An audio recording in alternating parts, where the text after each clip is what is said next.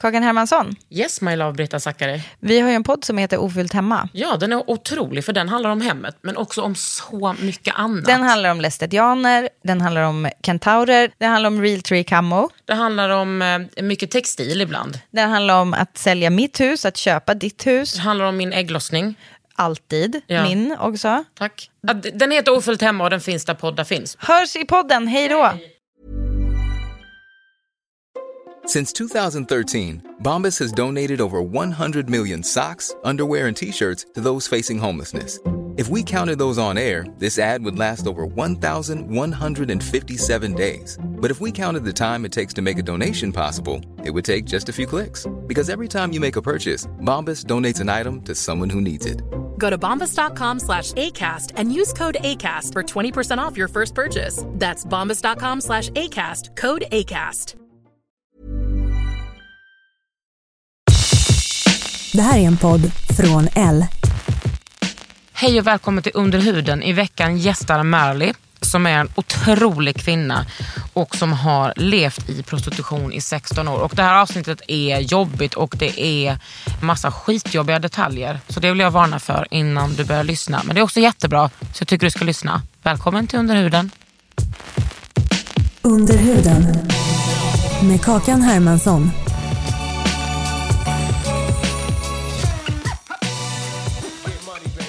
Murley. Murley, Murley. Ja, du har en, du har en egen tag. Märli om du är västgöte. Men, Märli? men det blir, men det har precis Märli. Vad säger du då? Nej men jag tror jag säger Märli. Märley. Men ja. det, är, det, det är en konstig... Det är, en Men konstig är du uppvuxen i Borås? Ja, jag, jag föddes i Colombia, i Cali. Kom hit 86, född 85. Och sen så... Ja, då, då växte jag upp lite utanför Borås. Mm. Eh, istället som heter Sandared och så lite utanför det, så vi, alltså på landet. Mm. Så mycket på landet det kan bli. Vi kallades för Bullerbybarnen. För där vi bodde så var det liksom, ja det var egentligen en gård på andra sidan. Men där vi hade våran gård, det var det bara syskon till min, på min mammas sida då. Nej. Och så, och så mormor och morfar. Så vi var väl, vad blir det, tre, tre, tre, två. Så blir det nio, tio, ja. Ni, gud jag är så dålig, jag är så trött. Ni, tio, elva, vi var elva stycken. Så vi var ju tre syskon då i min familj. Och så ytterligare kusiner. Så det var ett jäkla liv när vi växte upp, men det var härligt. Åh gud, ingenting gör mig så trygg som att du pratar västgötska. Ja, du, ja, vi har pratat om det här. Du Men, har- alltså, det är det bästa jag vet. Ja. Jag vet att det är sjukt för västgötska är ju också en dialekt som är, ja, den är speciell. Mina föräldrar är västgötar. Och det är liksom, du vet, jag har varit där så mycket på sommaren och varit så mycket i Grästorp. Sveriges rövhål absolut. Men du vet, jag, det, fan, det, det är något speciellt med den där. Ja, men jag, jag, jag, tycker ju själv att jag när jag kommer upp till Stockholm eller åker på andra ställen att jag börjar liksom låna från andra dialekter. Men när jag spelar in, gud vad jag brer, brer ut min västgötska. Ja. Det är lokalpatrioten i mig. Ja, men jag gillar det. Och eh, det finns ingen dialekt som jag anammar så snabbt som västgötska heller. Men, Det- du, men vart växte du upp? I Lund. Lund. Så, Precis, men med mina föräldrar, med deras dialekt. Jag fick ju en sån här blandningsdialekt som, man får, som många har i Lund. Att deras föräldrar har flyttat dit Ja. för att plugga och sen så eh, får man där. Ja, men du vet, jag har ju R, jag har ju inte du har bräckt dialekt. Bräckt dialekt. Ja, jo, men det kan man säga. Men du, var, hur, hur fan... Eh, du bodde i, liksom, alltså i, i en idyll. Ja, verkligen. Alltså, och, det, och den idyllen den har man ju kvar liksom någonstans också för den Ja. har ju satt sina spår. Eh, så det var verkligen... Jag, jag ser ju nu, så här är det, min, min pappas sida har också en gård även fast han har haft ett annat yrke under sitt liv. Han Ja. har ju varit liksom mäklare och jobbat på bank och sådär. Men han har ju haft gården tillsammans Ja. med sin bror och, och liksom min farmor och sådär. Så vart vi än reste så var det liksom gård. Mm. Så vi har, jag har gjort alla de där Bullerby-sakerna. Liksom, Mm. vi har till och med härsat hö någon, något år och sådana där saker. För att det, Men lever du så nu med dina barn? Nej gud nej, jag lever i en lägenhet i stan Ja. och jag, jag kysser asfalten varje morgon. Jag är ingen landsmänniska på det sättet. Nej. Jag tycker det är jättehärligt att åka ut. Alltså, om framtidens ekonomi skulle tillåta så skulle jag jättegärna ha liksom, ett hus på landet. Mm. Men eh, jag, är- jag är rätt så lat. Så det, jag kan se på mina kusiner, de hjälper till och de fixar och donar på gården. Jag typ bara, säg till om ni behöver någonting. Men säg helst inte till. nej men jag kommer vara upptagen Ja. när ni säger Men hade du en dröm om när du var liten att du skulle eh, alltså fortsätta liksom som bonde eller liksom leva på landet sådär? Nej, jag, jag bor på landet, absolut som sagt var. Jag, jag kunde se skillnaden mellan mig och de som faktiskt har ett faktiskt intresse Ja. för landet ganska tidigt. Jag har ju liksom växt upp med mina kusiner även på den sidan. Där då, eftersom det är samma struktur. Det är massa fastrar och farbröder som bor precis liksom, i närheten.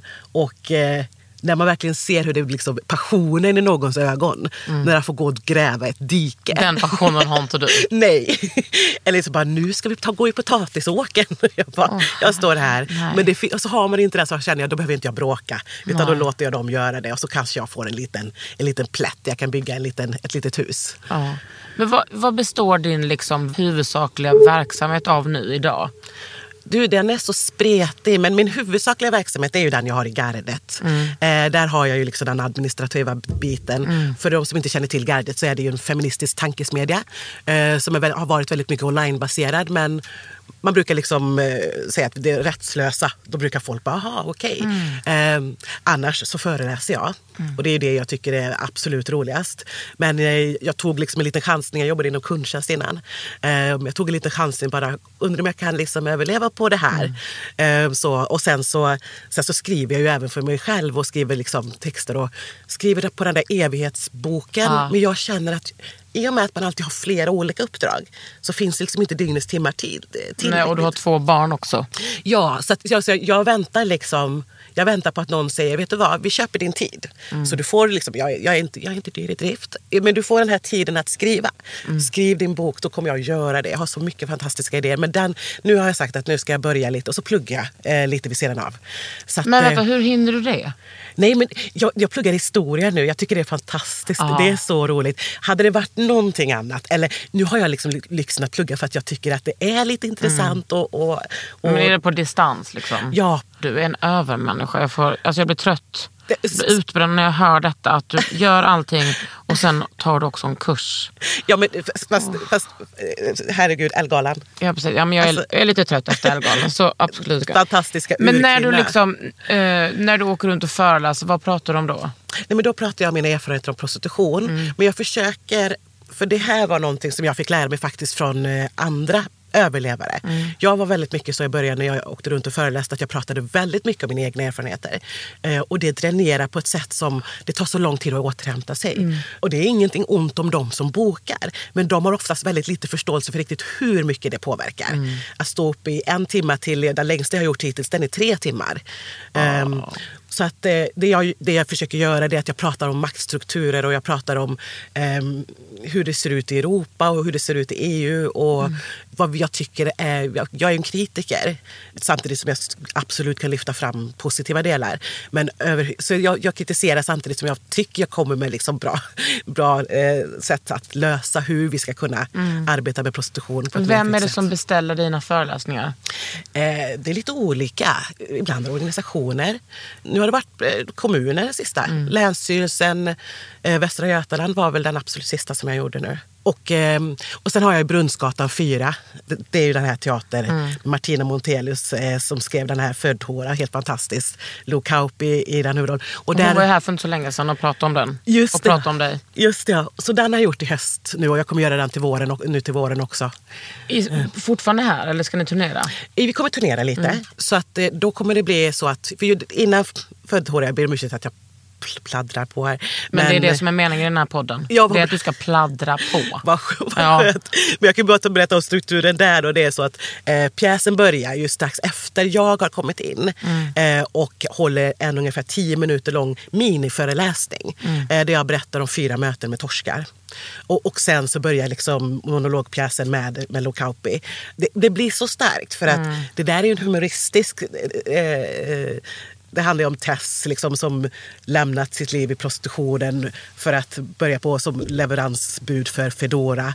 Eh, och hon gör det så bra och det är så, det är så humoristiskt och det är så starkt. Men just att få verklighetsdelen, där jag berättar om den verkligheten som, som jag har upplevt, då, den blev en bra balans. Och jag vet inte om vi trodde att det skulle bli det, men vi hoppades och det, det funkade verkligen. Men är det jobbigt att stå där liksom kväll ut och kväll in och, och prata om det här? Jag är lite sliten dag tre. Det har varit liksom tre dagar på, i stöten. Så att, eh, ja, det, det, det är lite kämpigt. Jag, man tänker, jag tror att det påverkar mig olika varje gång. Men det har varit någon gång som jag verkligen har känt att det här blev, det här blev för mycket. Ja.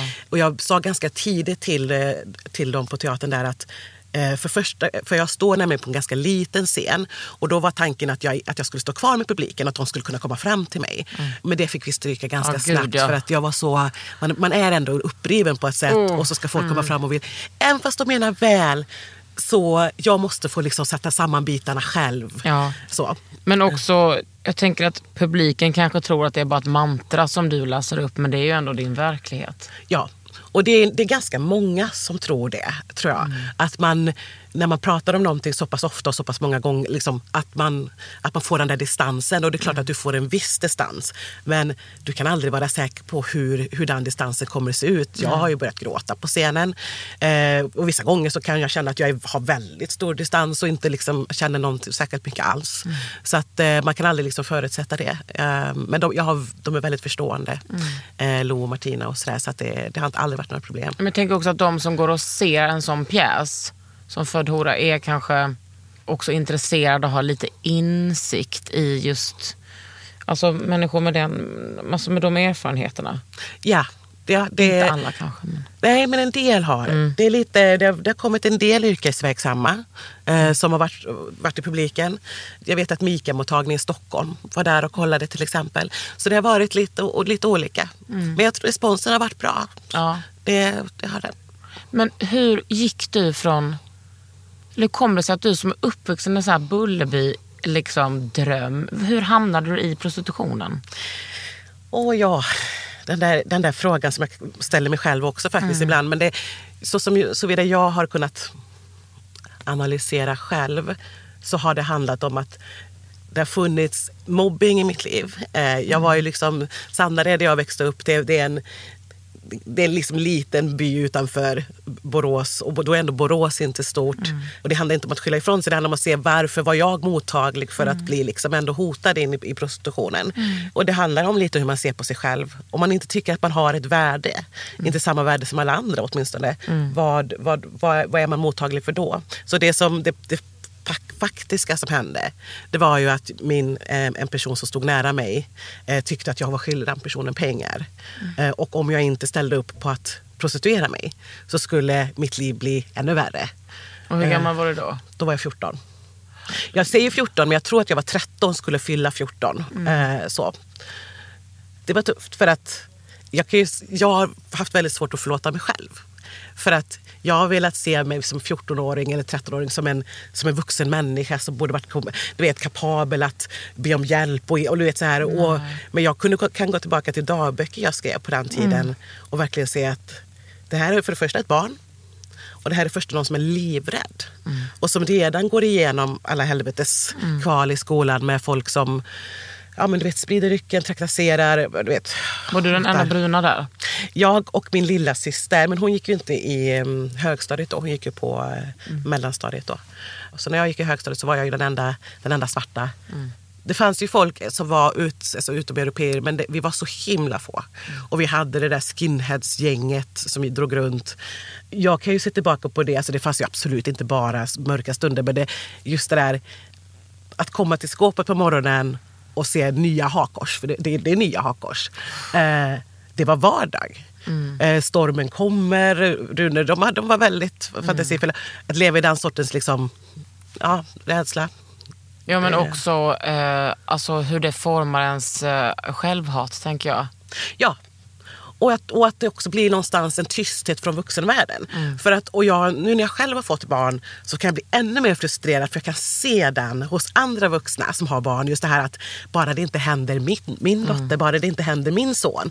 Så det blir nästan som att tystnaden blir när man ser att någon är mobbad så är man nästan lite sådär skönt att inte det det, och jag kan förstå samtidigt som jag kan vara så arg på den tystnaden som jag tyckte omgav mig på den tiden. Det var så många vuxna som såg. För att det var ju det som hände när jag blev offentlig med Viskans fiol, mitt konto på Instagram.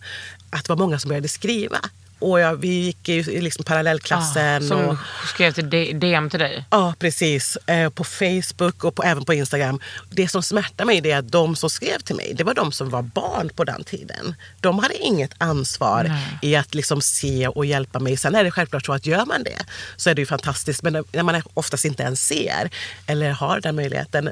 Och då undrar jag, vart är de där DMen från vuxna människor? Som kunde, kunde ha skrivit att ah, okej, jag, var, jag, var den, jag var din lärare eller jag såg också att du mådde dåligt eh, men eh, det varit helt tyst. Eh, vuxenvärlden måste, måste göra bättre ifrån sig. Ja, det är, det är skamligt alltså. Ja, jag, ja, jag tycker det. Jag, jag, den ilskan har jag liksom inte kommit över. Jag tycker att det är skönt. Jag, jag behöver inte komma över den. Nej, jag, varför skulle du göra det? Rage, alltså det är det, bästa, det är det bästa vi har. Tycker jag. Ja, ja, att få tillgång till sin ilska tycker jag liksom är ett sätt att må bättre. Sen får man ju kanske inte bli aggressiv, men, men just att man får känna det, det måste vara okej. Du eh, hamnade i prostitutionen och utsattes för det i 15 år. Ja, jag, jag var i prostitutionen i 16 år. 16. Så att eh, jag kom liksom inte därifrån. Jag kunde lämna drogerna eh, ändå, ja, det var ett halvår innan jag blev gravid med min dotter, så 2008. Det var ett medvetet beslut, men det var ett tufft beslut. Men eh, med prostitutionen kunde jag inte och det var liksom en evig besvikelse. Just det här att livet började på ytan ordna upp sig. Jag började plugga, jag såg någonting annat och någonting bättre för mig själv samtidigt som ekonomin var så pass ostadig. Det fanns det här dåliga självförtroendet att jag fortfarande inte vågade göra någonting annat. Jag följer ju så många prostitutionskonton på Instagram och där tycker jag att det är så många ganska naiva människor som frågar. Jag förstår också allt man frågade, men varför slutar du inte? Varför lämnar du inte? Som, som att man hela tiden tror att, det, att man kan koppla bort liksom olika makt. Alltså att, man inte har någon maktanalys när det kommer till de situationerna som ni är och har varit i. Ja. Kan inte du berätta så här, varför kan man inte sluta? Jag kan berätta varför jag inte kunde sluta. Det fanns inte en skärva av eh, vad, heter det, inte självförtroende, jo, men självförtroende och självkänsla som gjorde att jag trodde att jag var värd och kunde göra någonting annat. Jag vet när, när, när föräldrar låg på och liksom folk runt omkring låg på och sa men sätt dig bara på Arbetsförmedlingens liksom, eh, dator och gå, liksom, gå dit och du söker och du söker jobb. Jag skojar inte. Jag började flera gånger gråta när jag gick in på. För att jag var så marginaliserad och marginalisering pratar vi om att man känner sig utanför samhället. Inte en del av samhället. Och just det här tillsammans med den låga självkänslan. Eh, av allting du har varit med om. Och då tror jag, vet att jag hittade någon, sån här, eh, någon annons för att vara trädgårdsmästare någonstans. Jag vet inte om det var Sverige eller utlandet. Det var verkligen så jobb utan krav på eh, erfarenhet. Jag skulle kratta löv. Och kände att nej men jag kan inte det. Jag kan inte kratta löv. Och hur kommer det sig att du hade så dålig självkänsla? Alltså är, är det det som händer i prostitutionen skulle du säga? Ja, jag skulle säga att det är en del av patriarkatet som jag pratar om. Det är en del av hur vi, vi värderar kvinnor eller undervärderar kvinnor och flickor. Och det börjar från en så pass tidig ålder. Men de flesta kanske inte sk- skulle säga att ah, men de flesta blir inte prostituerade. Nej, men då lägger vi på som det var i mitt fall sexuella övergrepp. Eh, jag blev våldtagen första gången när jag var 13 år. Eh, jag hade min första sexuella upplevelse vilket spreds som som en dålig fi- ungdomsfilm. Eh, när du lägger ihop det så har du tagit ifrån en människa dess autonomi.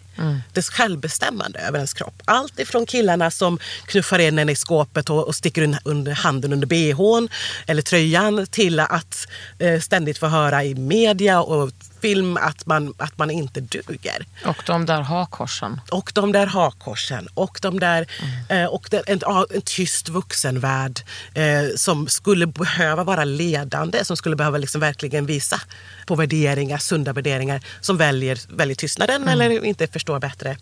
Lägger vi ihop det, jag brukar säga att personer i prostitution föds, vi föds inte in i prostitution, vi, vi, vi skapas, vi formas in eh, i prostitutionen. Det, det är därför som vi många gånger delar lika, liknande eller, samma upp, erfarenheter eh, av våld på olika sätt. Ehm, så att det, när, när det kommer till det så blir vi, vi blir eh, vi blir targets. Liksom.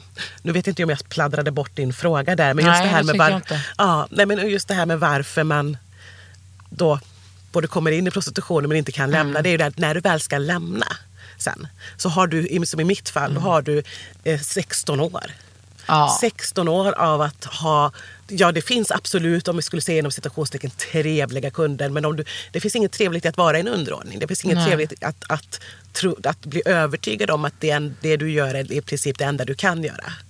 Nej, men jag tänker att kvinnor, eller andra människor också, men kvinnor som har varit utsatta för prostitution. Att, jag tänker så här, hur många tusen övergrepp det är. Tänk en kvinna som varit med om ett övergrepp. Hur traumatiserad man kan vara av det livet ut. Men 16 år av konstanta övergrepp. Hur kan du ens leva? Ja, man stänger av. Det här var, jag gick på trauma, eller försökte börja med traumabehandling. Eh, det var 2016. Och då fick man fylla i sån här formulär eh, och ha ett samtal. Då. Och då så sa hon, berätta för mig om ditt, det, det värsta som har hänt dig. Så ska vi, så ska vi bearbeta det. Och jag sa, det, det funkar inte så. Inte när du kommer från prostitutionen. Nej. Det är... ehm, det, det, det finns inget, ingen möjlighet att välja. Jag har ju fortfarande trauman eller eh, upplevelser som ploppar upp. Det är ju därför som jag annars, eh, du har ju följt mitt konto ett tag, jag brukade skriva ganska mycket texter. Ganska mycket lång, långa texter eh, om, om min erfarenhet. Jag kommer börja göra det igen för jag gillar att och liksom ändå få folk att förstå. Men det ledde till att det började ploppa upp en, en massa förträngda minnen. Som jag var tvungen att säga, nu får jag bromsa här. Jag måste se till min egen psykiska hälsa först. Men du, har en, du är ändå så pass liksom, eh, väl, eh, vad ska man säga, terapeutad att du kan sätta sådana gränser. Ja, jag, jag, jag har lärt mig känna igen handbroms, alltså när jag måste dra i handbromsen. Och det är ju en självbevarelsedrift mer än någonting annat. För att när man inte gör det så... Det här med att kunna återhämta sig när vi inte egentligen har en jättebra traumabehandling. Så vågar inte jag ta chansen att behöva den sortens vård. Så att just nu, jag kommer ju söka vård i framtiden absolut. Men nej, då är det väldigt bra att känna till sin inre handbroms. Eh, så.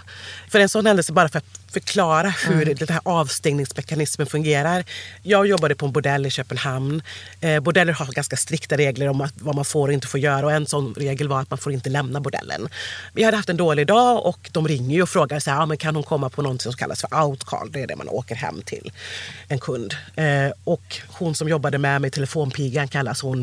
Eh, det är hon som eh, svarar i telefonen åt dig och liksom så här, bokar dig. Eh, hon sa, ja, men åk på det då. Liksom. Du, har, du behöver pengarna.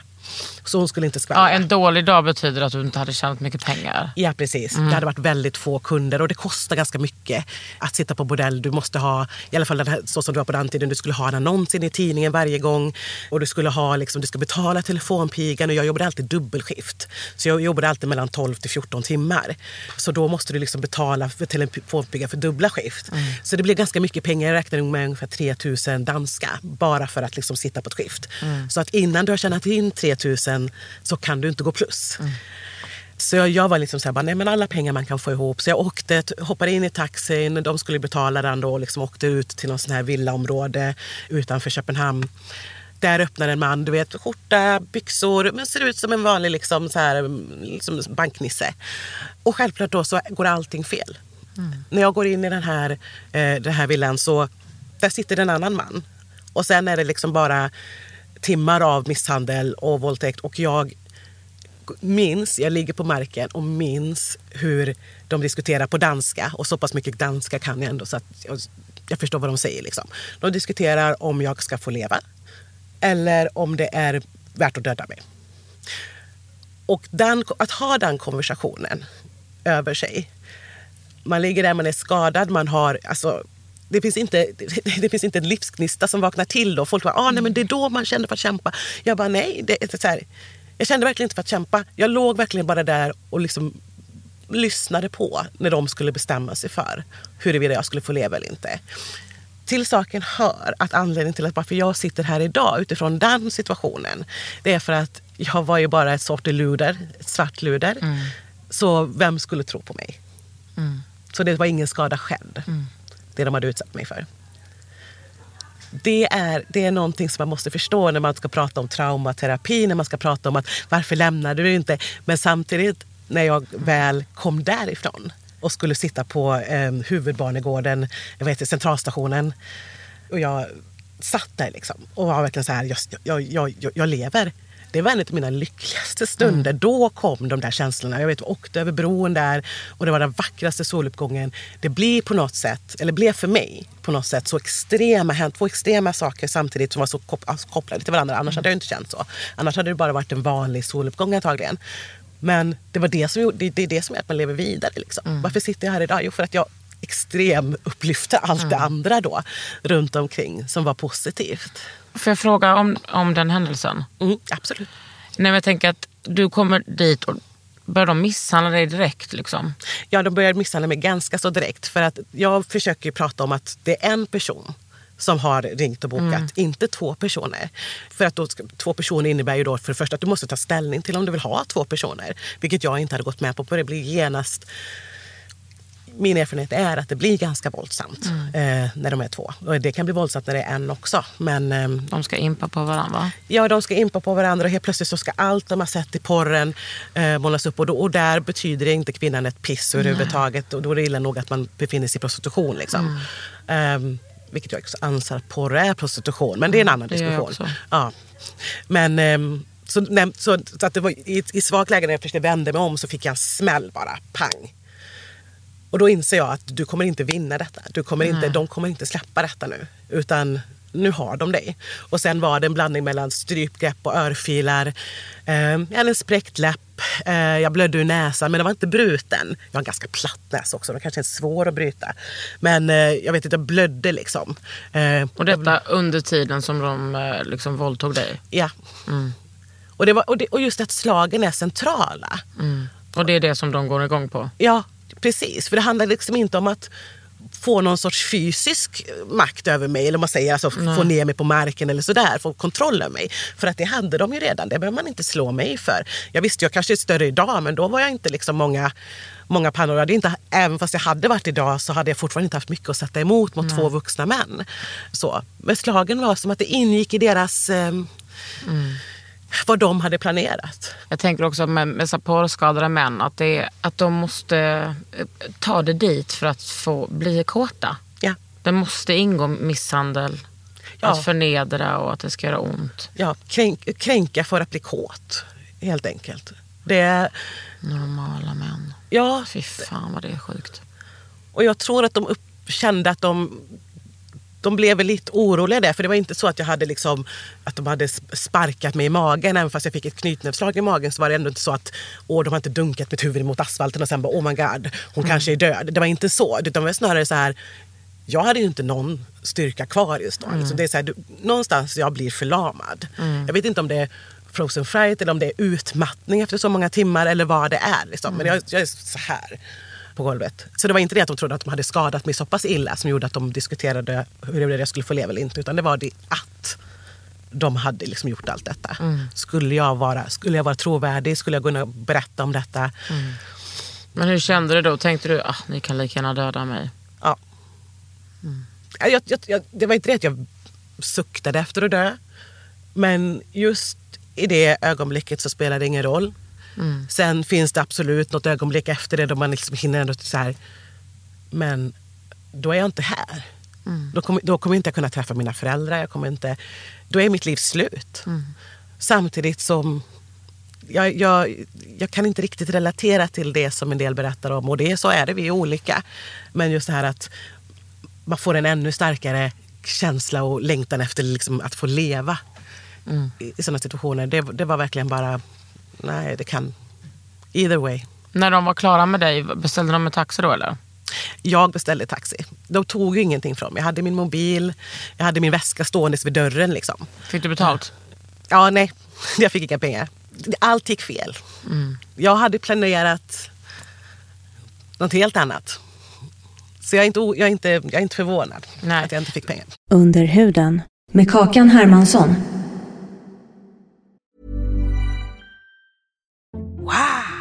Nice. Yeah.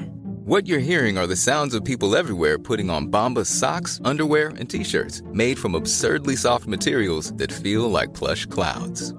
Yeah, that plush. And the best part? For every item you purchase, Bombas donates another to someone facing homelessness. Bombas. Big comfort for everyone. Go to bombas.com slash ACAST and use code ACAST for 20% off your first purchase. That's bombas.com slash ACAST. Code ACAST. Many of us have those stubborn pounds that seem impossible to lose, no matter how good we eat or how hard we work out. My solution is PlushCare. PlushCare is a leading telehealth provider with doctors who are there for you day and night to partner with you in your weight loss journey. They can prescribe FDA-approved weight loss medications like Wagovi and Zepbound for those who qualify. Plus, they accept most insurance plans. To get started, visit plushcare.com slash weight loss. That's plushcare.com slash weight loss. Då när du kom tillbaka till bordellen, berättade du vad som hade hänt? Nej. Jag var ju på väg hem då också. Jag pendlade ju från Borås till Köpenhamn eh, under den tiden. Men jag berättade inte vad som hade hänt. Det, dels var jag liksom lite rädd för att jag fick inte, vi får inte åka ut från bordeller. Eh, och ta kunder utanför. Och på bordeller i Danmark, där får man, där får man ju sälja sex, eller hur? Ja, precis. Eh, och det bryter man mot de reglerna, de vill ju ha en exklusivt på det stället där. Det var ju även så att vi, hon som drev bordellen liksom kunde bli irriterad, för det var flera tjejer som jobbade på flera olika bordeller. Så till slut så fattade hon någon sån här regel om att man inte fick, man fick bara jobba på liksom just den bordellen. Så det är väldigt mycket så. Så att det här att åka ut och ta kunder utanför, det var, det var ett regelbrott. Sen var det så här, vad ska jag berätta för folk som... Alltså, alla har sin skit. Det var liksom lite den känslan med det. Jag överlevde, jag fixade det, jag, men jag... Nej, det blev inte av att jag berättade.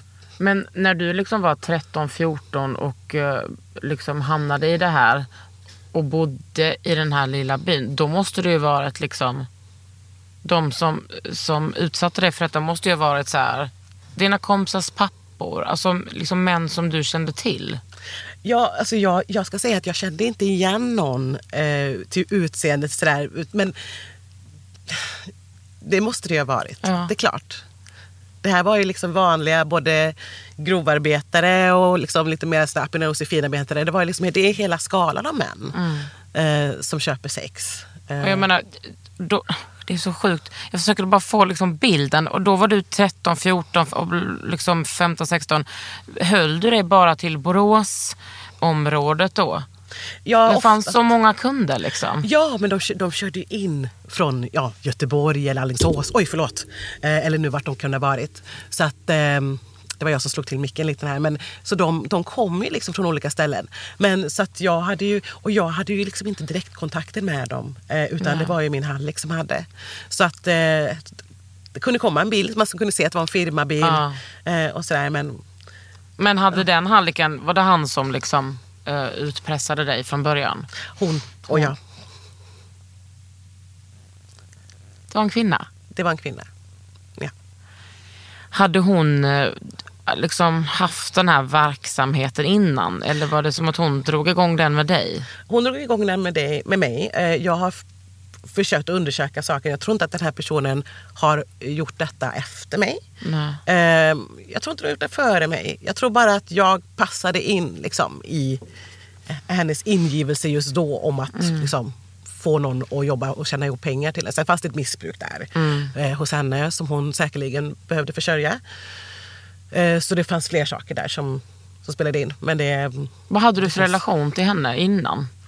vi var vänner.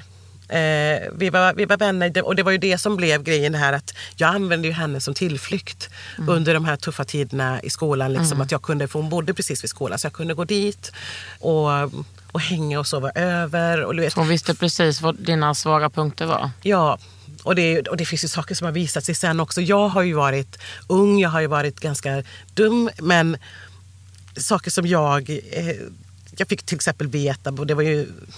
Jag är vuxen nu, jag har gått vidare från mycket av detta. Men att hon var en del i att sprida rykten om mig. Och, och liksom, ja, kränka mig. Ehm, så att det var, det var mycket, mycket jag inte såg då. Men jag såg ju upp till den här personen, hon var lite äldre. Och så tyckte man ju liksom någonstans, jag menar jag har ju ingen uppfattning, jag har fortfarande nästan ingen uppfattning om vad det kan kosta att bara sova över hos någon. Och käka lite mat, jag menar det är inte ett hotell, vad betalar jag? Och då liksom, så här, hur mycket har jag kostat henne? Jag har ändå tagit med mig liksom, ja men du vet, min, min lilla veckopeng typ och köpt saker. Men samtidigt att bara få en sån här stor skuldpåse i knät och säga att den måste du liksom reda ut för mig nu. För jag har räkningar att betala. Var, ja, var det så hon... Ja, hon tog mig på det. För att hon kunde ju stå i sin garderob och liksom bara, åh den här toppen, eh, vill du ha den? Jag, jag använder inte den. Och Ah. allt det, när det skulle komma till att jag skulle börja sälja mig, kom, kom tillbaka, du har fått det här av mig, du har fått det här Tror du att hon mig. hade planerat det? Ja, jag tror att det finns en groomingprocess där. Mm. Det, I och med att det var så tydligt att allting som jag hade fått skulle räknas med. Mm. För det är den skulden som skulle återbetalas. Hade hon själv utsatts för prostitution tror du? Jag vet faktiskt inte. Det är inte helt omöjligt. Eh, Jag har inget belägg för att säga att det skulle vara så. Men ehm, inte, inte helt omöjligt. Har du haft någon kontakt med henne? Ja, vi har faktiskt haft kontakt. Ehm, Jag har jo, nog sett det som ett sätt att gå vidare. Men ehm, det är inte lätt. Nej. Och det, och det går alltså, jag har ju ingen nära kontakt med den här personen och nu var det jättelänge sedan. Eh, men det var ett tag som vi liksom inte kom, kom undan varandra på, på så som situationen såg ut då. Och då försökte jag verkligen att eh, försöka liksom bara göra det nu. Men jag står helt för alla de som inte vill ha någon kontakt. Det är helt okej att bara be folk dra åt helvete. Eh, och jag, det är väl det jag gör idag kan man säga. Men när blev du av med henne? Hur länge var du liksom i hennes våld? Det, det är en uppdelning där. Jag var i hennes våld eh, från 13-14 där då. Eh, sen så lyckades jag ta mig loss. Eh, och det här är ju... Det, det, här, det, det låter som att mitt liv bara är skit. Men, men det finns bra saker också. Men just det här, jag var 15 år. Men jag försökte på allvar ta mig, ta mig loss eh, från henne. Och eh, tyckte själv att det var lite modigt gjort. Liksom. Jag, jag hade fått en mobiltelefon som hon kunde nå, men jag bara stängde av den. Och var liksom lite beredd på att men då får hon göra allt det hon har sagt. Ja, hon Jag or- hotar dig. Ja, så här, då, jag, jag orkar inte. Så sökte jag mig eh, till lite olika jourer. Då, du vet, här gula sidorna och du vet, man kunde ibland hitta på Frida och sådär. Hit kan du vända dig om. Ehm, Om vad då? Eh, om du mår dåligt Ah, eller ja, ja, här, ja. BRIS och sådär. Mm. Så, så det var telefon. Ehm, så jag vet att jag pratade med BRIS men så, så hittade jag även i den här tidningen, adoptionstidningen, att de hade en jour Mm. eh, som man kunde ringa till. Eh, Om du är adopterad och och mådde dåligt och sådär. Ehm, så då tänkte jag att men det gör jag. Och då, det var ju där jag träffade min andra hallick. Nej men sluta! Ja men det är helt sjukt. Jag kan inte ens förstå att det kan vara så jävla illa. Men- Människor är fan inte kloka. Nej, och just det här att det blev, blev verkligen för mig back to back med hallickar. Det, För då, då berättade du din historia, din erfarenhet. Och då var det någon som hakade på. ja, ja, som ganska snabbt sa att eh, ge mig ditt nummer eh, sådär, och, och förde ut konversationen från liksom, den här jouren till att vi skulle prata privat. Då. Ehm, Var det en man? Ja, det var en man. Det var en man. Han, eh, han var ett ganska så stort ansikte utåt för eh, Adoptionscentrum. Eh, och eh, han blev dömd. I, att- För ditt case? Ja.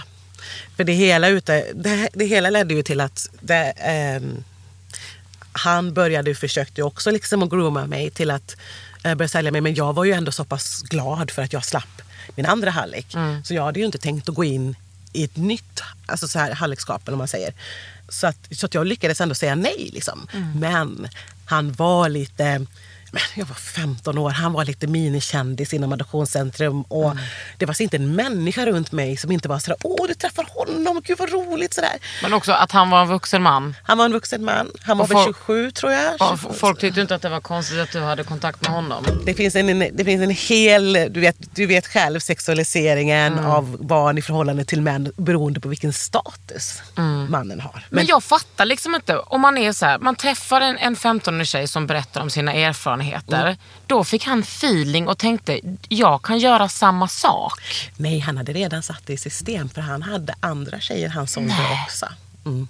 Och det här, alltså jag, jag, var inte, jag var inte riktigt, förstod nog inte riktigt den när rättegångarna drog igång. Jag förstod att det fanns andra tjejer som jag trodde han typ hade liksom utsattes och försökt få att sälja sig. Jag vet att han eh, gjorde det mot sin flick, dåvarande flickvän. Eh, men nu läste jag igenom, det var inte alls länge sedan, några månader sedan för att jag skulle, skulle skriva en text. Då gick jag, och, för jag hämtade ut domarna och, liksom, och läste igenom allting. Det är alltså flera andra tjejer som han har sålt under flera års tid. Alltså det här är en Åh. Så att, att han satt där och liksom fick ha hand om jourtelefonen um, och fick träffa på mig. Det var, det var ju snarare catching moment för Ah. honom. Alltså, och, och sen då att jag såg upp till honom, att jag var sån där 15-årig, lite, lite småkär och sådär. Ja. Men, Men var eh, det, var det här andra tjejerna hade träffat på samma sätt som du? Nej, jag tror att han har träffat de andra på lite olika sätt. Jag vet att hans flickvän var ju adopterad. Eh, Dåvarande flickvän också. Och det, det, det var tre stycken tjejer som också gick på så högstadiet. Men jag, det, jag vågar inte riktigt säga hur de träffades. Men ehm, Men han är dömd. han är dömd. S- Fick han sitta eller? Ja, han fick tre år. Han fick tre år för våldtäkt och eh, koppleri och grovt koppleri tror jag. Är han uh, out and about och gör sin grej nu efter att han har suttit? Ja då. Och jag, eh, ja, ibland googlar man ju. Alltså sådär. Men ehm, Men är han fortfarande aktiv inom adoptionsscenen? Nej, det är bara, nu är han inte det. Eh, jag, eh, jag fick faktiskt eh, under en googling se för att han har flyttat runt lite.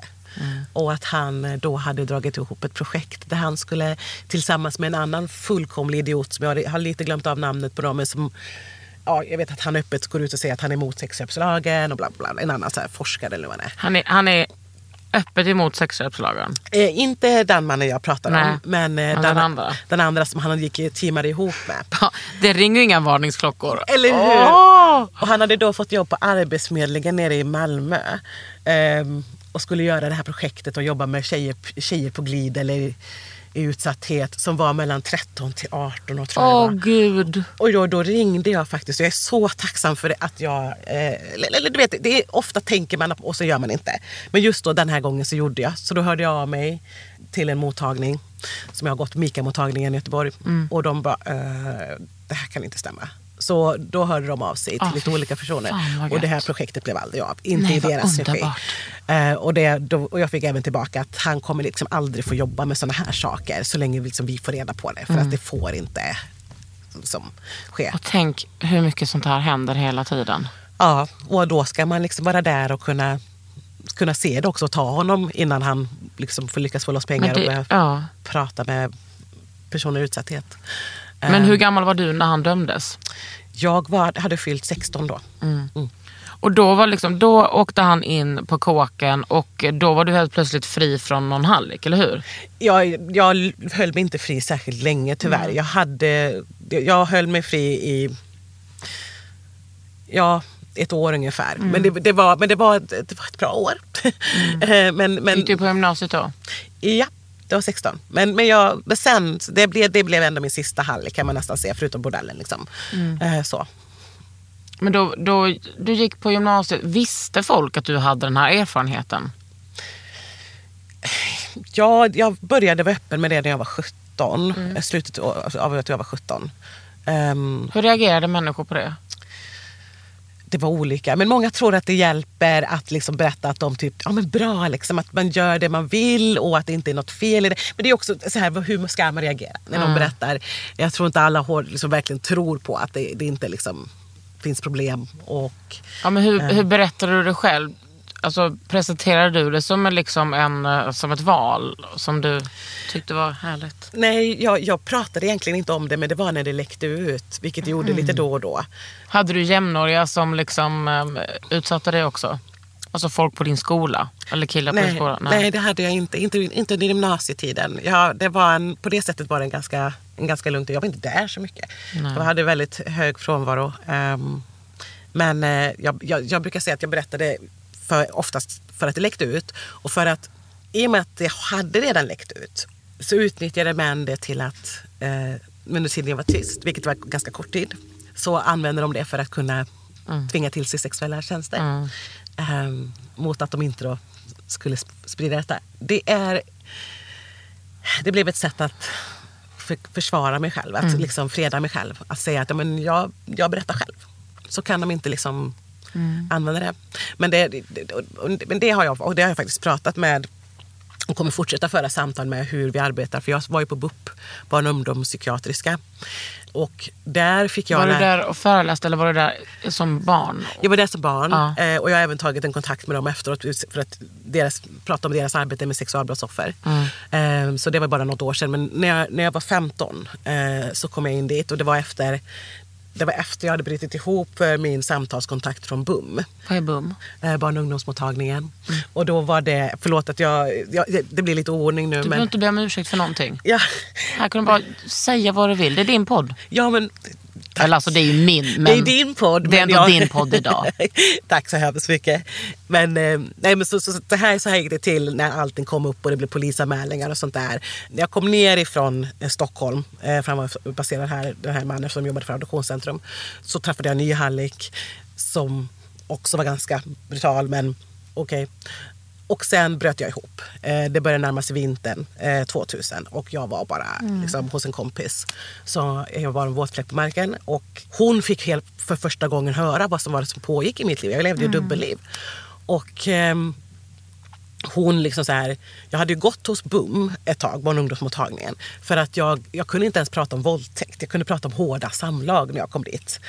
Och det isolerade jag till att prata liksom om det som det enda jag hade blivit utsatt för i min värld. Liksom för att det var det enda som var acceptabelt att prata om. Eh, när det kom till den här mannen i Stockholm. Kände jag. Jag hade så lite tilltro till att man skulle liksom vilja hjälpa mig om jag berättade om allt annat. Men då så uppmanade hon ju mig självklart att du måste berätta allt för dem. Eh, Så. Och då gjorde jag det och då fick jag valet om jag ville åka in på barn och ungdomspsykiatriska och vara där. Liksom, och så här. För nu skulle de ju behöva anmäla och de skulle liksom blanda in socialtjänsten och allting. Och så där. Och bara, Det var så hel- hela den grejen med honom kom upp. Ja, så det var så. Så det var även så att de två männen som hade utnyttjat mig här i Västra Götaland i Borås eh, var också, blev också anmälda då. Åkte de fast? Ja, de åkte fast fast de fick de mest fjantiga. Jag tror de fick två månader eller någonting. Ehm, det, det finns så mycket jag skulle kunna sitta i timmar och berätta alltså det, om, om hur vidrigt vårt rättssystem är mot kvinnor. Det- Jag, I domen där så står det, jag parafraserar lite, men i huvuddrag att, att jag har befunnit mig i prostitution innan allt detta har hänt är liksom Ja. inte till min fördel. Nej. Så att han då, som tar eget initiativ att våldta och låsa in en 15-åring. Mm. Det, det, det är fortfarande så då liksom att det räknas till hans fördel. Det är Att så jag har blivit jävla sjukt. Och det står liksom i domen. Och rättegången mot de andra två männen, de andra två hallickarna jag hade här nere då efter jag kom tillbaka från Stockholm. Jag kunde inte berätta om någonting som de hade gjort mot mig nästan. För att jag var inte ett offer. Och det, det, det är någonting som jag eh, försöker prata ganska mycket om just hur synen på personer i prostitution och personer i utsatthet. Alltså att man måste få säga att man är ett offer. Man måste få äga. Sen behöver man inte stanna kvar i det. Man, men, men man måste kunna få äga sin utsatthet. Men det är det som är hela, jag tänker på alla liksom så här, nyliberala as och hela så här, pro, alltså prostitutionslobbyn. Ja. Som förbjuder en att vara ett offer. Som pratar om det här med att det är ja, men, um, det egna valet, det egna underbara valet. Och vad ger det för, för eh, konsekvenser? Ja, och att vi köpte det så länge. Jag sitter Ja, med jag har, har nog aldrig köpt det. Nej, men jag- många köper ju det. Jag tror, ja, underbara du. För jag, jag, jag, kan, jag kan ju känna att jag, till och med jag köpte nog det ett tag för ganska liksom, många år Ja, men sedan. snälla, det är väl Men- annorlunda för dig som har varit inne i det. Du har väl, måste väl lura i dig själv. Ja, ja men precis. Självbedrägeriet Mm. är liksom en stark drog. Eh, så. Men jag träffar fortfarande människor som jobbar med människor i utsatthet som typ bara försöker eh, empower genom att säga att du är inget offer. Nej, men när du säger att inte jag är ett offer så säger du också att det inte finns en förövare. Ja, precis. Det är det som blir problemet. Och är det, det är också som att om inte du är ett offer, alla dina trauman, hur ska du förklara dem då? Ja, exakt. Om det, det är därför så här, det finns konsekvenser Mm. för det jag varit utsatt Det finns förutom det extrema trauma så finns det konsekvenser för det. Ja. Som, så här, varför får jag inte vara ett offer? Varför är liksom alla de här människorna så rädda för... Alltså jag menar, det är väl bara att se svart på vitt hur patriarkatet och eh, liksom rasismen ser ut. Varför Ja. är folk så rädda för att erkänna det? Ja, men för, jag, tror du inte att det finns en, en liksom länk däremellan eller liksom någonting som håller dem samman? Och det är det här att både när det kommer till eh, minoritetsgrupper men, men också då kvinnor och kvinnohatet däremellan. Så här, att vi får inte vara svaga. Nej. Det, och det är därför man ska hylla styrka hela tiden. Och, och jag menar, ja, absolut, jag, jag blir jätteglad när någon säger att jag är stark. Men det finns också någon sorts kamouflerande med det där. Liksom, att du är så stark och du är liksom så här. Fast jag får vara svag. Ja, Ja, och och- tro mig, vi är svaga allihopa. Eller hur? Men Så det- gud, du måste ju vara ett vrak liksom from time to time. Ja, men från, från time to time så händer det. Men jag tycker ändå att jag är en ganska glad skit. Ja. Jag, jag, tycker, jag, jag måste säga det, alltså, trots att det har varit som det har varit så har jag, så har jag, jag har alltid omgivit mig med människor, vänner. Eh, och det är nog det som jag kan säga tacksam, mest tacksam för. Underbara människor i mitt liv. Jag hade jag brukar säga det att, att jag, det är klart att jag tog mig ur vissa saker liksom absolut på egen hand. Man måste göra jobbet själv. Man kan liksom aldrig lägga över på någon Nej. annan och förvänta sig att han ska reda ut en skit. Ja, det skulle vara skönt. Ja, eller hur? Det hade varit så skönt så många gånger. Men med stöd och stöttning och faktiskt liksom... Jag minns när jag skulle lämna drogerna till exempel. Mm. Eh, min vän Leo som är liksom en klippa i så mycket, han bara så här, då ska vi göra nyktra aktiviteter. Ja. Så då tog han med mig till på bio. Två gånger i veckan Ja. så satt vi på bio. Vi, vi såg allt. Ja. Det var så mycket skit som jag sett. Nej. Men, men, men det, var, det var ett sätt att komma ut Ja. och göra någonting nyktert. Och jag, jag, jag satt ju där som ett asplöv. Liksom. Jag, eh, eh, för det var ändå liksom några, ändå ganska många år med amfetamin. Eh, men ändå sådär, vi skrattade, vi drack våran läsk och åt alldeles för mycket godis. Och det var att komma tillbaka till livet igen liksom, på så många sätt. Men skulle du säga att du prostituerade dig för att, eh, för att försörja eh, drogerna eller knarkade för att eh, överleva prostitutionen? Det, det är en väldigt bra fråga. Jag, alltså jag, jag, knark, jag, nej, jag hade möjligheten att köpa drogerna. Mm. Eh, men jag, jag, jag prostituerade mig inte för att försörja ett missbruk. Utan det är snarare närmare det, att liksom för att överleva prostitutionen. Mm. Och för att någonstans checka rutorna liksom, för liksom hur, hur det livet skulle se ut där man Mm. levde med, med eh, jag menar, utkanten av samhället. Det var ju det man gjorde Det där. kanske också dina kollegor Ja, gjorde. det fanns ju droger, absolut. Men Eh, hur, hur fan hamnade du i Köpenhamn? Ja, det, det, för att göra en lång historia kort. Jag hade som sagt en sista hallick egentligen. Eh, när jag var 17 där. Och han... Så eh, liten. ja, det är... Ah. Det är en, jag, jag har en bild liksom från hans lägenhet när jag ligger liksom i en vit korsett. Helt väck liksom. Och han står och fotar mig där. Liksom. Alltså det är så... Ja. Ehm, men han hade ju kontakter och han bodde i Helsingborg. Eh, och han hade ju kontakter i Köpenhamn. Så först var jag där och skulle fota för någon porrmagasin. Det var ingen som ville ha mig. Eh, jag var på två stycken sådär auditions eh, för porrmagasin. Jag förstår att de inte ville ha mig. Jag har sett de bilderna. Alltså, det är... det är någon sorts freedom rolls eh, i mitt hår. Det är eh, skolfotot från typ femman-leendet. Eh, det finns liksom inget rått sexuellt. Och jag, och jag vet, det var, man får skratta åt det här för det finns någonting liksom med humor som gör att man faktiskt läker lite. De, de, fotografen på det ena stället bad mig göra en butterfly. Och då satt jag i en ganska stor sån här stoppad stol. Eh, och jag bara, eh, och då var jag ju helt naken och sådär, men jag bara butterfly. Och jag var så, jag, jag kunde inte erkänna att jag inte visste vad det var. Så jag tog det närmsta jag trodde att det var. Och började liksom flaxa med armarna och benen. Och, Men vad är en butterfly? Är det bara... en butterfly är när du särar de inre och yttre blygdläpparna och håller upp mot kameran så att de kan fota ditt underliv.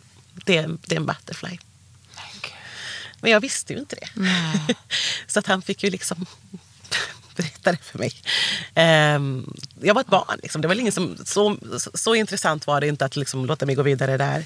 Ehm, men sen så hade han då var jag 17 när jag tog de bilderna och de har faktiskt inte läckt ut. Och det kan jag säga, I don't give a shit om de gör det. För att någonstans det här att vi upprätthåller någon sorts skräck hos kvinnor. Liksom att om dina bilder läcker ut så förstörs ditt liv. Vem är det som ska förstöra ditt liv? Är det du som ska förstöra mitt liv?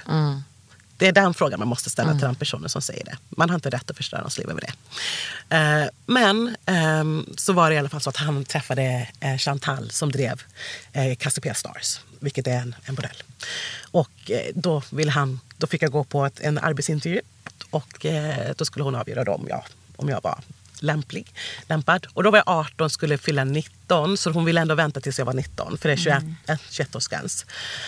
Och det blev ju bra för mig för jag hade fortfarande studierna. Eh, jag gick gymnasiet. Eh, så jag åkte dit ganska direkt efter jag hade eh, tog studenten. Mm. Och liksom jobba på där ett tag eller? Ett år, lite över ett år ungefär. Så var jag där. Men sen, alltså, jag träffade ju även en kille där så att då blev ju liksom På bordellen? Eh, nej, inte på bordellen. Eh, Jag träffade en kille från, det var en kille som kom till bordellen som bjöd med mig på en fest eh, efteråt. Och jag tänkte så här, han hade bara sprungit några gånger, han var rätt trevlig. För han köpte ingenting för han hade aldrig några pengar. Eh, men han ville alltid prata med mig, vilket var, vilket var eh, väldigt okej. Och där, på den festen träffade jag Sean. Så, att, eh, så att då hade jag honom där. Men det var det liv som gick väldigt, väldigt fort med droger och det var lite andra saker där också. De var små gangsters. Jag vet inte riktigt vilken nivå man skulle säga att de var på men de hade... Ja, där började jag väl känna att det här blir någonting som du mm, kan gå väldigt fel Ja. väldigt fort. Eh, plus att min kropp klarade inte mer. Alltså när jag kom hem från Köpenhamn så jag, var, jag såg ut som en alltså, utmärglad häst i ansiktet. Mm. Jag var verkligen... Jag, hade inte, jag, hade, alltså jag såg ut som att jag hade tappat all livsgnista. Liksom. Det var Mm. Men hur sjukt. reagerade folk liksom i din omgivning? som med mina vänner och sådär. Ja. De var inte jätteglada över detta. Men någonstans under tiden i Köpenhamn så Att du var, hade blivit smal? Jaha, du, du tänkte på smalheten? Nej men på liksom att du, du måste ju varit ett stort vrak. Ja, men det var, jag var ju egentligen bara hemma och sov när jag var hemma. Mm. Och sen åkte jag tillbaka. Så just det året, då hade alla spreds lite för vinden. Mm. Ehm, så vi levde inte så tätt. Och den person, enda personen som jag träffade då Mm. eh, befann sig själv liksom on and off i prostitution. Så det här var ju liksom då ett jobb om man säger. Ehm, men även fast jag Sa skulle- du det till dina kompisar? Ja, ja, ja, ja, då sa jag det. Var, det självbedrägeriet hade liksom varit fullt utblommat och även fast det skulle bli lite, lite etter värre innan det, eh, innan det liksom den bubblan sprack om man säger. Men, eh, nej, men det var ett jobb. De ju- kunde åka till London och jobba. Jag åkte till Köpenhamn. Du lyckades ändå avsluta Köpenhamn? Ja, och det var, det var efter ungefär ett år där. Dels, det fanns flera saker som gjorde att jag stannade, stannade kvar i Sverige och inte åkte tillbaka. Jag, jag bara kunde inte. Jag hade haft några kollapser. ehm, och det var ju utmattning, droger, you name it. Liksom. Kroppen klarade inte mer. Eh, och sen så hade jag... Eh, jag hade sagt till min Sean då, min pojkvän att eh, han var ju både langare och så var liksom lite, hade lite hallikverksamheter. Och, ja. Hallikverksamhet. Det är Ja. så sjukt. Alltså det, är helt- ja, det var inte det bästa, eh, det var inte det bästa livet för, honom, eh, för dem. Och han var inte min hallick dock, men han var andras hallick. Och jag, sa, jag sa det till honom, liksom att du får inte börja med småtjejer. Alltså så här, det är liksom, och han gjorde det och då var det, så här, det var lättare att lämna. Och jag anmälde honom till polisen, men jag vet inte riktigt. Det, Men hur kan du leva idag? Och bara liksom ha ett liv och vara en bra mamma till två barn. Hur fan funkar det? Jag vet inte. Jag, kan, nej, jag, jag önskar jag hade ett jättebra svar på det. För att det hade kunnat vara liksom, kanske någon guide för någon annan. Men jag, jag tror så här. Att jag kunde hitta tillbaka till mina vänner. Att jag hade vänner som var kvar utan att man alltså, alltså lägger över på det. Var en hjälp när det, marken liksom lite slutade skaka. Men det viktigaste jobbet måste du göra själv.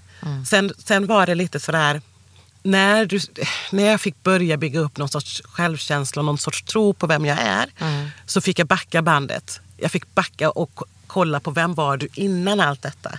För den personen begravs så djupt. Så jag fick backa till 12, 12 års ålder. Även fast inte livet var perfekt. Du kan aldrig backa till en tid. li- Livet är aldrig perfekt. Så kunde jag minnas en tjej som faktiskt tyckte det var roligt att plugga. Men som jag pratade innan här, när vi när vi började med historia. Jag tyckte det var jättekul med, med studier. Och bara okej, men om du försöker dig på det igen. Mm. Ja, visst, högstadiet var skit. Eh, Gymnasiet var ännu mer skit. Jag, herregud, jag klarade mig precis med gymnasiekompetensen i behåll. Ändå ut. sjukt att du gjorde det. Ja, fast du vet, du har en förälder som står, en mamma som är lärare som, alltså, som typ i princip dör om inte du skulle klara, få gå på, ta studenten samtidigt som alla andra tar studenten. Ja, men du vet, normal, normal, normal. Så, att, eh, ehm, så att jag vet att jag la in liksom minimum effort för att få, in, få godkänt. Ehm, Men jag hade liksom över 50 procents frånvaro hela gymnasietiden. Det är helt sjukt.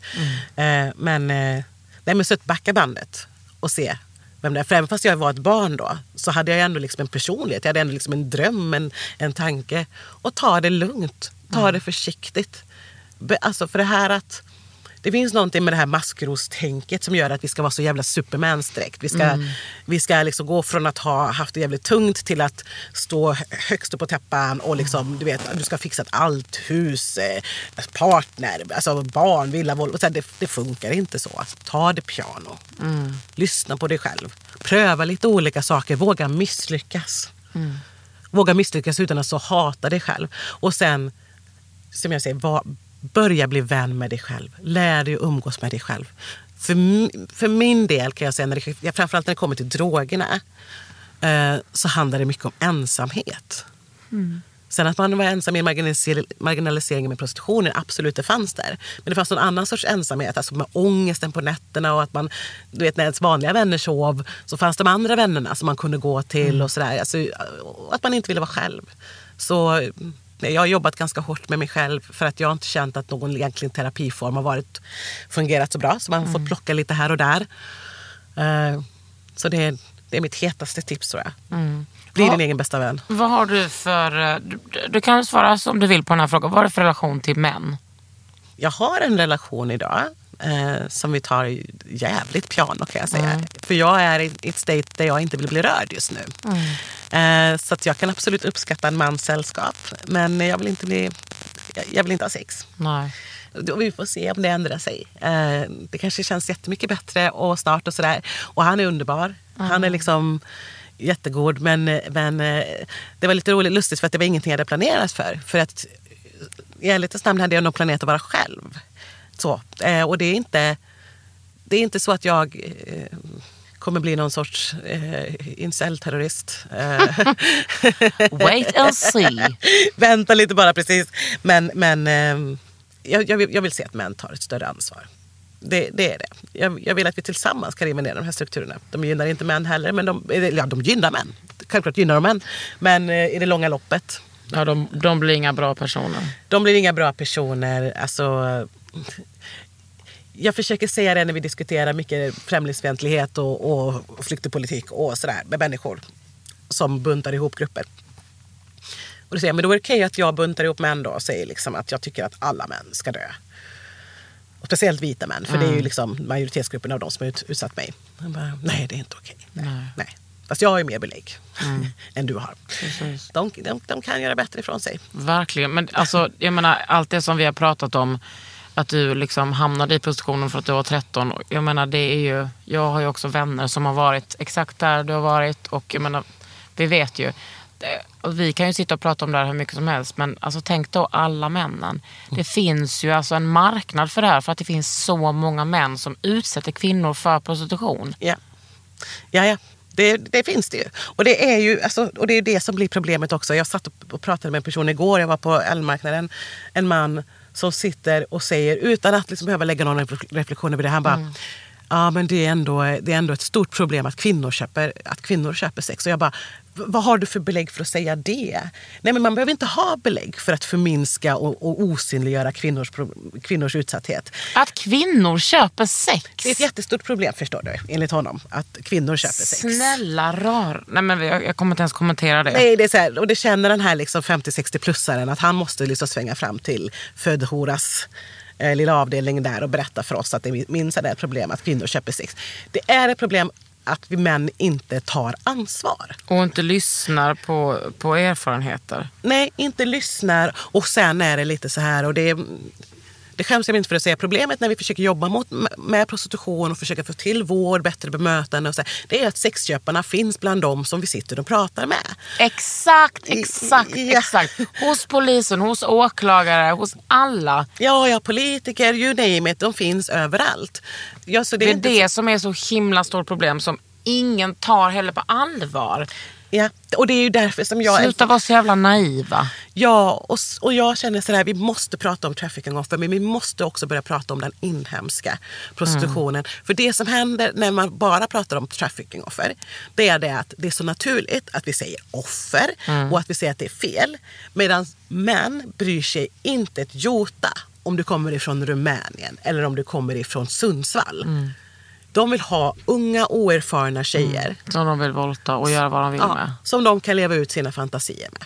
Hur våldsamma de än är.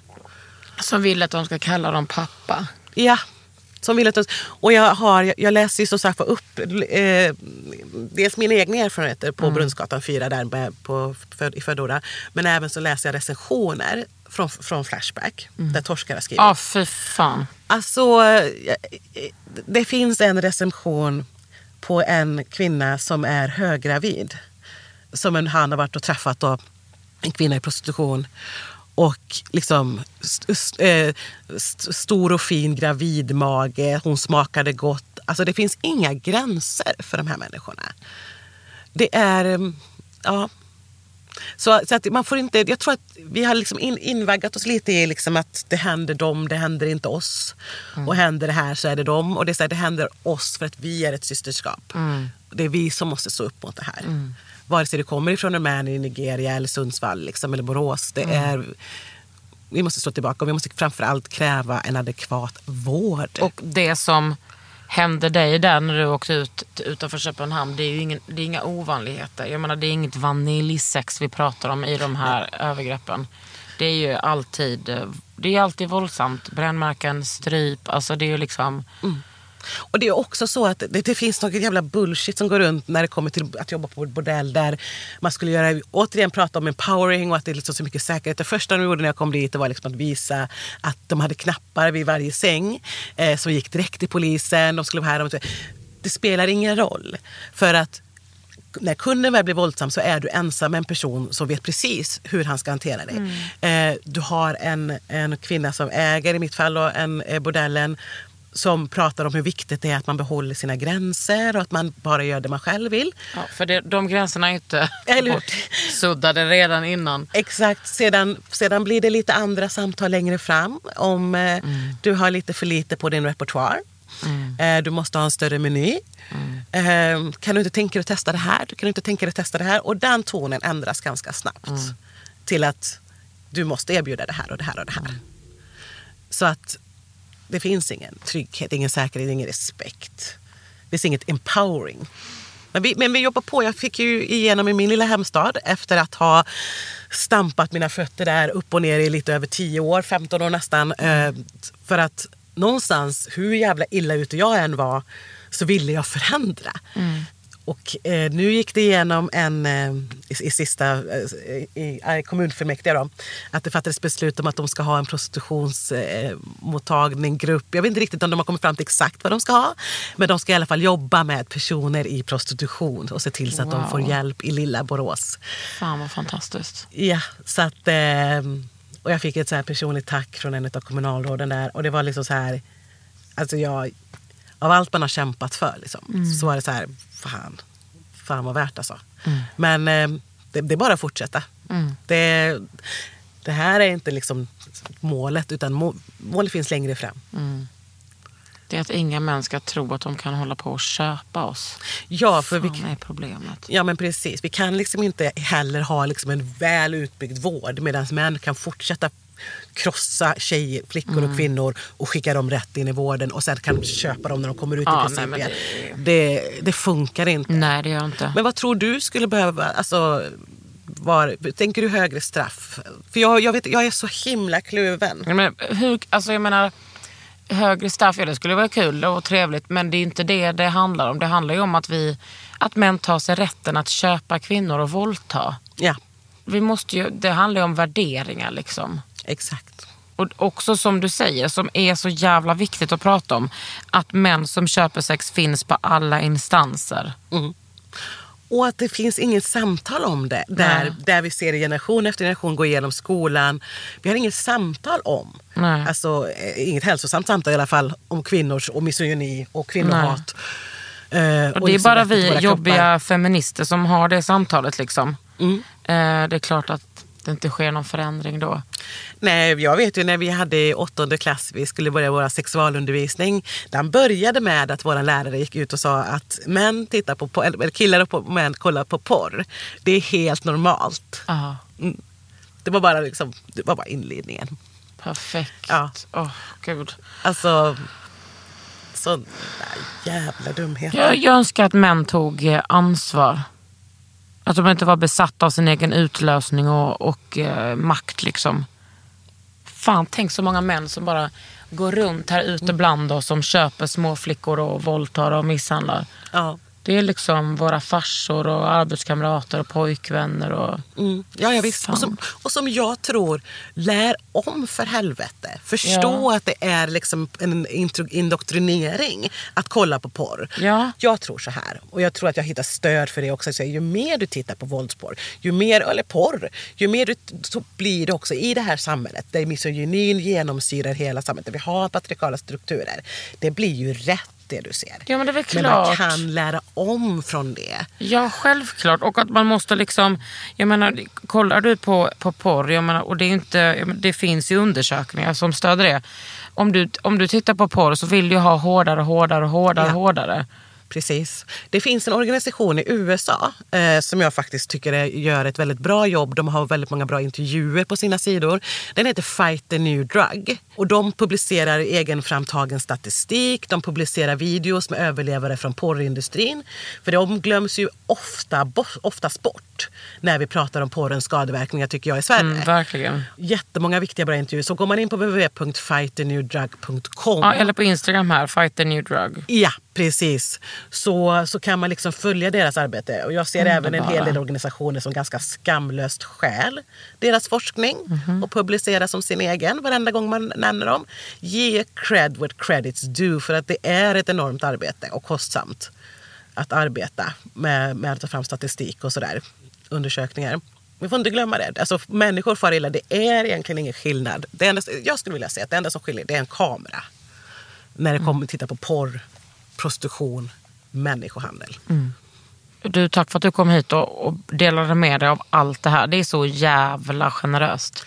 Ja, tack för att jag fick komma hit. Du anar inte, det, det är så otroligt viktigt att få en plattform. Och du är en av de där människorna så kontinuerligt sen jag liksom har joinat Instagram och vi har fått kontakt har gett mig till, till att få en del av din plattform. Ja, men så det, jag blir helt rörd. Alltså det, är- det, är så, det är så stort faktiskt. Det, Nej, jag tycker att det är stort att du kommer hit och ger mig det förtroendet.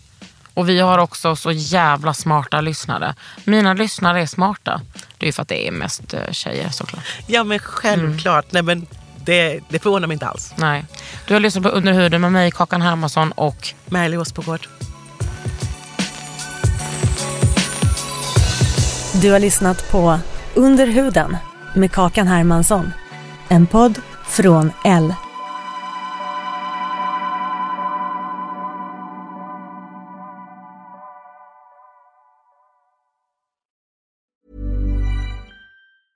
Hey, it's Danny Pellegrino from Everything Iconic. Ready to upgrade your style game without blowing your budget? Check out Quince. They've got all the good stuff shirts and polos, activewear, and fine leather goods, all at 50 to 80% less than other high end brands. And the best part? They're all about safe, ethical, and responsible manufacturing. Get that luxury vibe without the luxury price tag. Hit up quince.com slash upgrade for free shipping and 365 day returns on your next order. That's quince.com slash upgrade. Hey, it's Paige DeSorbo from Giggly Squad. High quality fashion without the price tag. Say hello to Quince. I'm snagging high-end essentials like cozy cashmere sweaters, sleek leather jackets, fine jewelry, and so much more. With Quince being 50 to 80% less than similar brands. And they partner with factories that prioritize safe, ethical, and responsible manufacturing. I love that. Luxury quality within reach. Go to quince.com slash style to get free shipping and 365 day returns on your next order. Quince.com slash style.